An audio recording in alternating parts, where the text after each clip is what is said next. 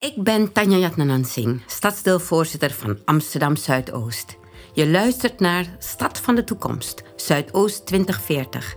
Het nieuwe boek van Daan Dekker over de vernieuwing van Zuidoost. Voorgelezen door Kiddo C. Hoofdstuk 3. De sleutelfiguren. Deel 2. Meer plekken creëren waar bewoners samenkomen. Het is ook een van de speerpunten van Danny Armelita. De sociaal werker en voorzitter van bewonersplatform Rijgersbos groeide op in het dorp Apkoude, maar trok in zijn tienerjaren vaak naar Subway in het naastgelegen Zuidoost. Het jongerencentrum vormde voor hem en zijn vrienden een vrijplaats, een plek waar ze zichzelf konden zijn.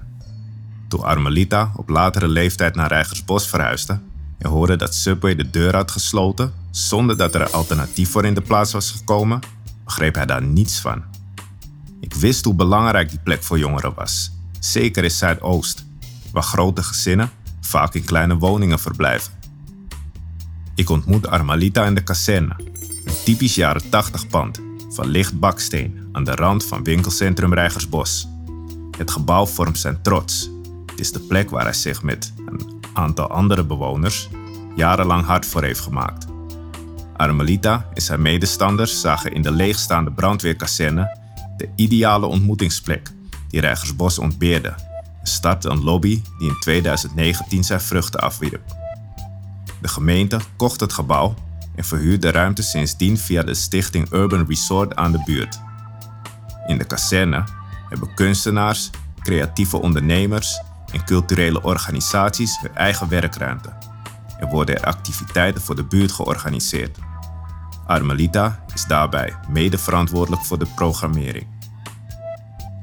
Op de website van de kazerne. Wij verbinden door vanuit de buurt Rijgersbos, waar momenteel weinig tot geen voorzieningen zijn, voor alle leeftijden een centrum aan te leggen. En op een laagdrempelige manier de buurt te verbinden, te mobiliseren en een platform te geven om een doorgroei te maken. Met een rondleiding door het pand laat Armelita zien wat deze woorden concreet betekenen.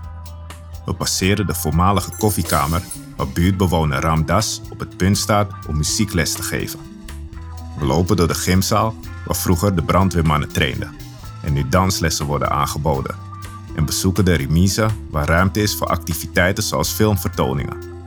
Armelita, de kazerne is precies de plek waar de buurt behoefte aan had. Als we het pand niet veel later achter ons laten om een wandeling te maken, legt Armelita nogmaals uit waarom ontmoetingsplekken in zijn ogen zo belangrijk zijn voor Rijgersbos. Hij omschrijft zijn buurt als groen, rustig, maar ook naar binnen gekeerd. Dat komt door de gesloten architectuur, maar ook omdat er weinig te doen is. In Gein en Holendrecht, de naastgelegen buurten, is het volgens hem niet anders. Mensen komen elkaar hier te weinig tegen en blijven zo met hun problemen zitten. Juist door een ander te zien, komt er energie vrij en worden er issues opgelost. Al snel bereiken we tijdens onze wandeling de markt die elke woensdag in het winkelcentrum van Rijgersbos wordt georganiseerd. Marktkooplui brengen vis, kip en tropische groenten aan de man. Overal staan lange rijen. Kijk hoe druk het is. Mensen snakken naar plekken als dit. Volgens Armelita is het winkelcentrum nu dé ontmoetingsplek van Gasperdam, de wijk waar Rijgersbos deel van uitmaakt. Er is hier de laatste jaren veel verbeterd. Zo hebben lokale ondernemers voor een schappelijke prijs leegstaande winkelpanden kunnen huren. De zaken die zij openden vormen een magneet voor bewoners. Met Armelita loop ik langs de outlet store van Milton, een ondernemer die zijn spullen van overal en nergens haalt en ze voor een schappelijke prijs verkoopt. En hij wijst me op Tante Nel, een winkel die tot het nok toe is gevuld met tweedehands artikelen. Kleding, kerstversiering, pannen en boeken. Nel Socario, die al ruim 50 jaar in Zuidoost woont, verkoopt het allemaal. Het zijn spullen die door mensen uit de buurt hier naartoe worden gebracht en zo weer een nieuw leven krijgen, vertelt ze als we binnenlopen. Met haar werk wil Socario haar buurt helpen. Ik verdien er niets aan. Al het geld gaat naar goede doelen. Deze winkel is vooral een trefpunt voor de buurt, waar mensen betaalbare spullen kunnen vinden. Na het bezoek aan Tante Nel loop ik met Armelita naar de overkant van de winkelstraat. Hij beheert namens de gemeente het informatiepunt Rijgersbos. Een ruimte die op het moment van ons bezoek vol hangt met plattegronden en toekomstbeelden van het gebied waarin we ons bevinden. Drie bureaus hebben zich over een nieuw ontwerp voor het centrumgebied van Rijgersbos gebogen. Bewoners kunnen hier zien wat voor ontwikkelingen er in gang zijn gezet en lezen of horen hoe ze kunnen meepraten, vertelt Armalita. Dat er zo'n informatiepunt is, dat lokale ondernemers tijdelijk een pand kunnen huren, dat er met de kazerne een plek is gekomen voor de buurt, het zijn volgens Armalita belangrijke en positieve ontwikkelingen. Toch wil hij één kanttekening plaatsen. Het zijn allemaal tijdelijke initiatieven. Hoe is de situatie over vijf of tien jaar? De buurt heeft ook behoefte aan permanente ontmoetingsplekken. Daar blijf ik me hard voor maken. Durf groot te denken en ga met je plannen aan de slag. Het kenmerkt Armalita, maar ook de andere sleutelfiguren die ik spreek. Allemaal willen ze op hun eigen manier Zuidoost verder helpen. Voor Elvis Rut Penuel betekende een filmpje van Greta Thunberg het startpunt. Een opname waarin de Zweedse jongeren aanspoort om zich te mengen in het klimaatdebat. Voor de bewoner van de K-buurt was de klimaatverandering nooit een groot thema geweest. Het leefde ook niet bij zijn directe omgeving in Zuidoost. De woorden van Thunberg schudden mij echt wakker, zegt hij nu. De twintiger begon meer te lezen over de opwarming van de aarde, bekeek documentaires en kwam uit bij de vraag wat hij zelf kon doen. Het antwoord vond Rut Pennuel na een lange online zoektocht in Amersfoort, in de Soesterwijk. Bewoners hadden daar de handen ineengeslagen en als coöperatie een windmolen laten verrijzen. Het idee sprak Rut Pennuel om meerdere redenen aan, maar sprong er voor hem echt uit vanwege het collectieve element. Eerder was Rut Pennuel betrokken geweest bij Hart voor de K-buurt en had hij ervaren hoe mooi het is om als buurt samen op te trekken. Het past ook bij Zuidoost om samen te opereren. We leven als een community. Ook zag hij de symbolische waarde van een windmolen. Daar kan letterlijk niemand omheen. Een beter middel om in Zuidoost meer bewustzijn over het klimaat te creëren bestaat niet. Om te checken of hij met zijn idee niet buiten de realiteit leefde, ging Rut Pennuel eerst het gesprek aan met bekenden in Zuidoost op wie kritische oordeel hij vertrouwde. Hij trof verbazing, maar vooral enthousiasme, waarna een nieuwe stap volgde. Contact leggen met de gemeente. Daar kon ik niet omheen. Als je in Zuidoost een windmolen wil bouwen, dan moet dat bijna wel op de grond van de gemeente. Rut Pennuel schreef een uitgebreide mail aan Marika van Doornink, de afgelopen jaren wethouder ruimtelijke ordening en duurzaamheid. Hij introduceerde zichzelf en deed zijn plan aan de doeken. Of de gemeente kon helpen? Tot zijn verbazing volgde al snelle antwoord. Van Doornink vond het een mooi plan en koppelde me aan mensen die me verder konden helpen. Uit het verhaal dat daarna volgt, blijkt hoe ingewikkeld het is om als burger je eigen buurt met een ambitieus plan verder te helpen. Ook al vind je de gemeente aan jouw zijde. In de schaarse vrije uren die Rut Pennuel tot zijn beschikking had, kwam hij terecht in een wereld van ingewikkelde financieringsconstructies complexe wet- en regelgeving met betrekking tot het plaatsen van windmolens. Toch boekte hij dankzij diverse helpende handen progressie. Zo werd duidelijk dat de windmolen in het Diemerbos kon komen en diende zich met de Amsterdam Arena en ING twee financiers aan. Daarmee voorkwam Rut Pennuel niet dat hij alsnog vastliep. Het groeide uiteindelijk toch boven mijn hoofd, zegt hij eerlijk. De jonge vader, die een eigen filmbedrijf runt, is daarom de samenwerking aangegaan met gespecialiseerde partijen, voor wie de complexe windmolentechniek en wetgeving gesneden koek is. Door deze werkwijze geeft Rut Pennuel de regie deels uit handen, maar kan hij zich wel richten op het werk dat hij het liefst doet. Ik wil in de buurt aan de slag. De plannen liggen al klaar. Bij kerken langs, bij ateliers, bij buurthuizen. De mensen uit de K-buurt onderdeel laten uitmaken van het plan. Het wordt een project van de lange adem, weet Rut Pennuel. Maar hij zal niet opgeven. Die windmolen gaat er komen, zegt hij vastbesloten. Omdat hij wil aantonen dat bewoners en bedrijven samen kunnen optrekken om Zuidoost beter te maken. Omdat het in zijn ogen belangrijk is dat er in Zuidoost meer eigenaarschap ontstaat.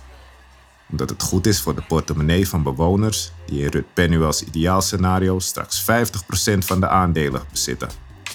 Omdat hij wil dat buurtmoeders en scholen straks met kinderen naar een plek kunnen waar duurzaamheid voor de nieuwe generatie echt gaat leven. Mijn rondgang langs de sleutelfiguren eindigt in de E-buurt, waar architect en docent Peter Doutsenberg kantoor houdt. Een Bijlmer pionier mag je hem officieel niet noemen.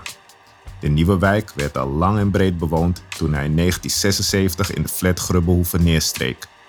Toch vormt Doutsenberg met een aantal andere bewoners het historisch geweten van de Bijlmer. Hij is voorzitter van het Bijlmer Museum en wierp zich al meerdere malen op als hoeder van de oorspronkelijke Bijlmer-architectuur. De boodschap die Dousenberg al jaren verkondigt en die hij graag blijft herhalen: ga zuinig om met de historische elementen in het stadsdeel. In Zuidoost hebben we moeite om een verleden op te bouwen. De gedachte is vaak: we kunnen wel slopen, wat maakt het uit? Dat is volgens Dousenberg niet slim. Voor het geluk van mensen is het belangrijk dat de geschiedenis tastbaar blijft. Het zorgt voor sociale samenhang. In gebouwen met het verleden zitten verhalen die mensen verbinden. Het argument dat een gebouw lelijk is en daarom beter tegen de grond kan, is voor Doutsenberg niet geldig. Dat heb ik te vaak gehoord. Ik denk dan, lelijke dingen kun je mooi maken. Kijk naar Noord, waar oude en vervallen loodsen een nieuw leven hebben gekregen. Als ik naar het opstaan in de spiegel kijk, ben ik ook niet op mijn fraaist. Dan moet ik aan de slag. Bovendien, er is behoefte aan lelijke dingen. Mooi bestaat bij de gratie van lelijk. Het financiële argument telt voor Doutsenberg net zo min. Het is vaak inderdaad goedkoper om een bouwwerk te slopen en er iets anders voor terug te bouwen. Maar kijk hoeveel geld er in de wagen op de nieuwmarkt is gestopt. Nu zijn we blij dat dat gebouw er nog staat.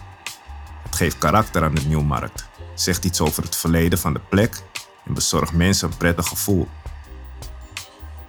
Doutsenberg zag vanaf de jaren 90 wat voor impact de sloopkogel kan hebben. Rond de 60% van de originele Bijlmer is de afgelopen 30 jaar tegen de grond gegaan.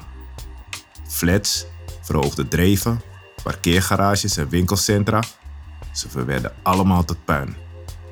Ergens had hij best begrip voor het besluit om te gaan slopen. De Bijlmer stond er niet echt florissant voor.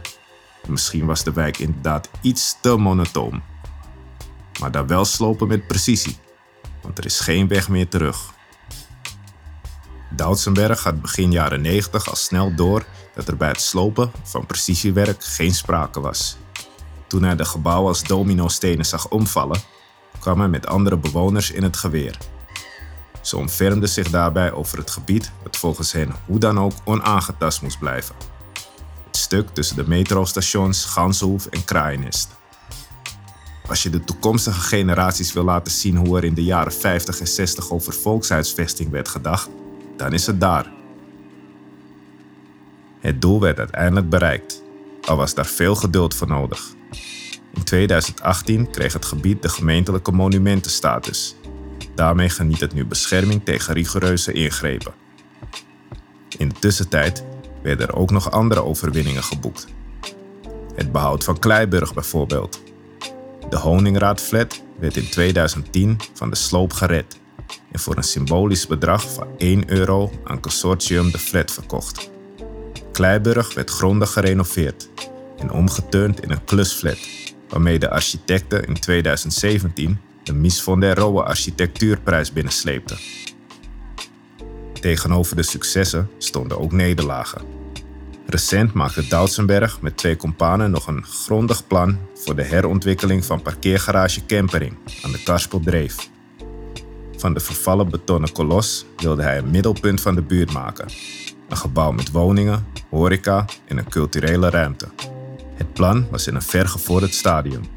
En de initiatiefnemers hadden ook nog eens een investeerder gevonden die er miljoenen in wilde stoppen. Toch ging de garage tegen de grond. Volgens stadsdeelbestuurder Dirk de Jager was het te duur om campering te behouden. Maar de boodschap was eigenlijk: we hebben er geen geld voor over. Na de deceptie is het volgens Doutsenberg tijd om het stokje over te dragen aan een nieuwe generatie Bijlmer believers. Er is de afgelopen jaren gelukkig vooruitgang geboekt Maar ik hoop echt dat Zuidoost in de toekomst nog serieuzer wordt genomen. Dat betekent dat je de gebouwen en structuren respecteert, maar dat je bijvoorbeeld ook naar de verbinding met de stad kijkt. Amsterdam is een waterstad. Via het water kun je vanaf alle plekken in het centrum komen, behalve vanuit Zuidoost. En waarom rijdt er nog geen nachtmetro? Doutsenberg kan zo nog wel even doorgaan, maar doet dat niet. Wat hij maar wil zeggen, er is voor de nieuwe generatie genoeg om voor te strijden. Je luisterde naar hoofdstuk 3, deel 2 van Stad van de Toekomst, Zuidoost 2040.